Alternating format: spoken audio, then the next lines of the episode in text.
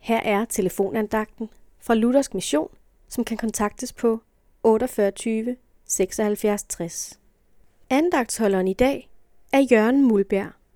Vi skal læse ordet fra Esajas 43, 25, hvor der står, det er kun mig, der sletter dine overtrædelser, og for min egen skyld husker jeg ikke på dine sønder. Sådan siger Herren til sit ejendomsfolk Israel, som i den grad var faldet i synd og afgudstyrkelse. De havde oplevet Guds indgribel og ledelse på underfuld måde, og var nu bosat i det land, Gud havde lovet dem, og at var de faldet tilbage i synd og tilbedelse af fremmede guder.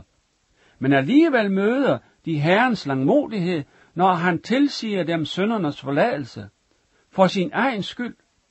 Sådan er Herrens sindelag også med os i dag. Kan det ikke være i vores ører lidt egoistisk, at Gud gør noget for sin egen skyld? Vi mennesker gør ret så meget for vores egen skyld. I forhold til vores børn og dem, der står os nær, så har vi det dårligt, når tingene mislykkes for dem. Også vores egen, for vores egen skyld ønsker vi ikke noget ondt skal ramme dem. Gud kunne ikke i pagt med sin kærlighed se til, at vi skulle lide under syndens magt. Vi møder det i en julesang sådan.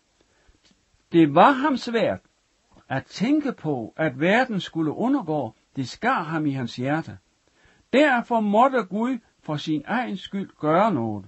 Han sendte sin søn, for at hver den, som tror på ham, ikke skulle fortabes, men have evigt liv. Amen.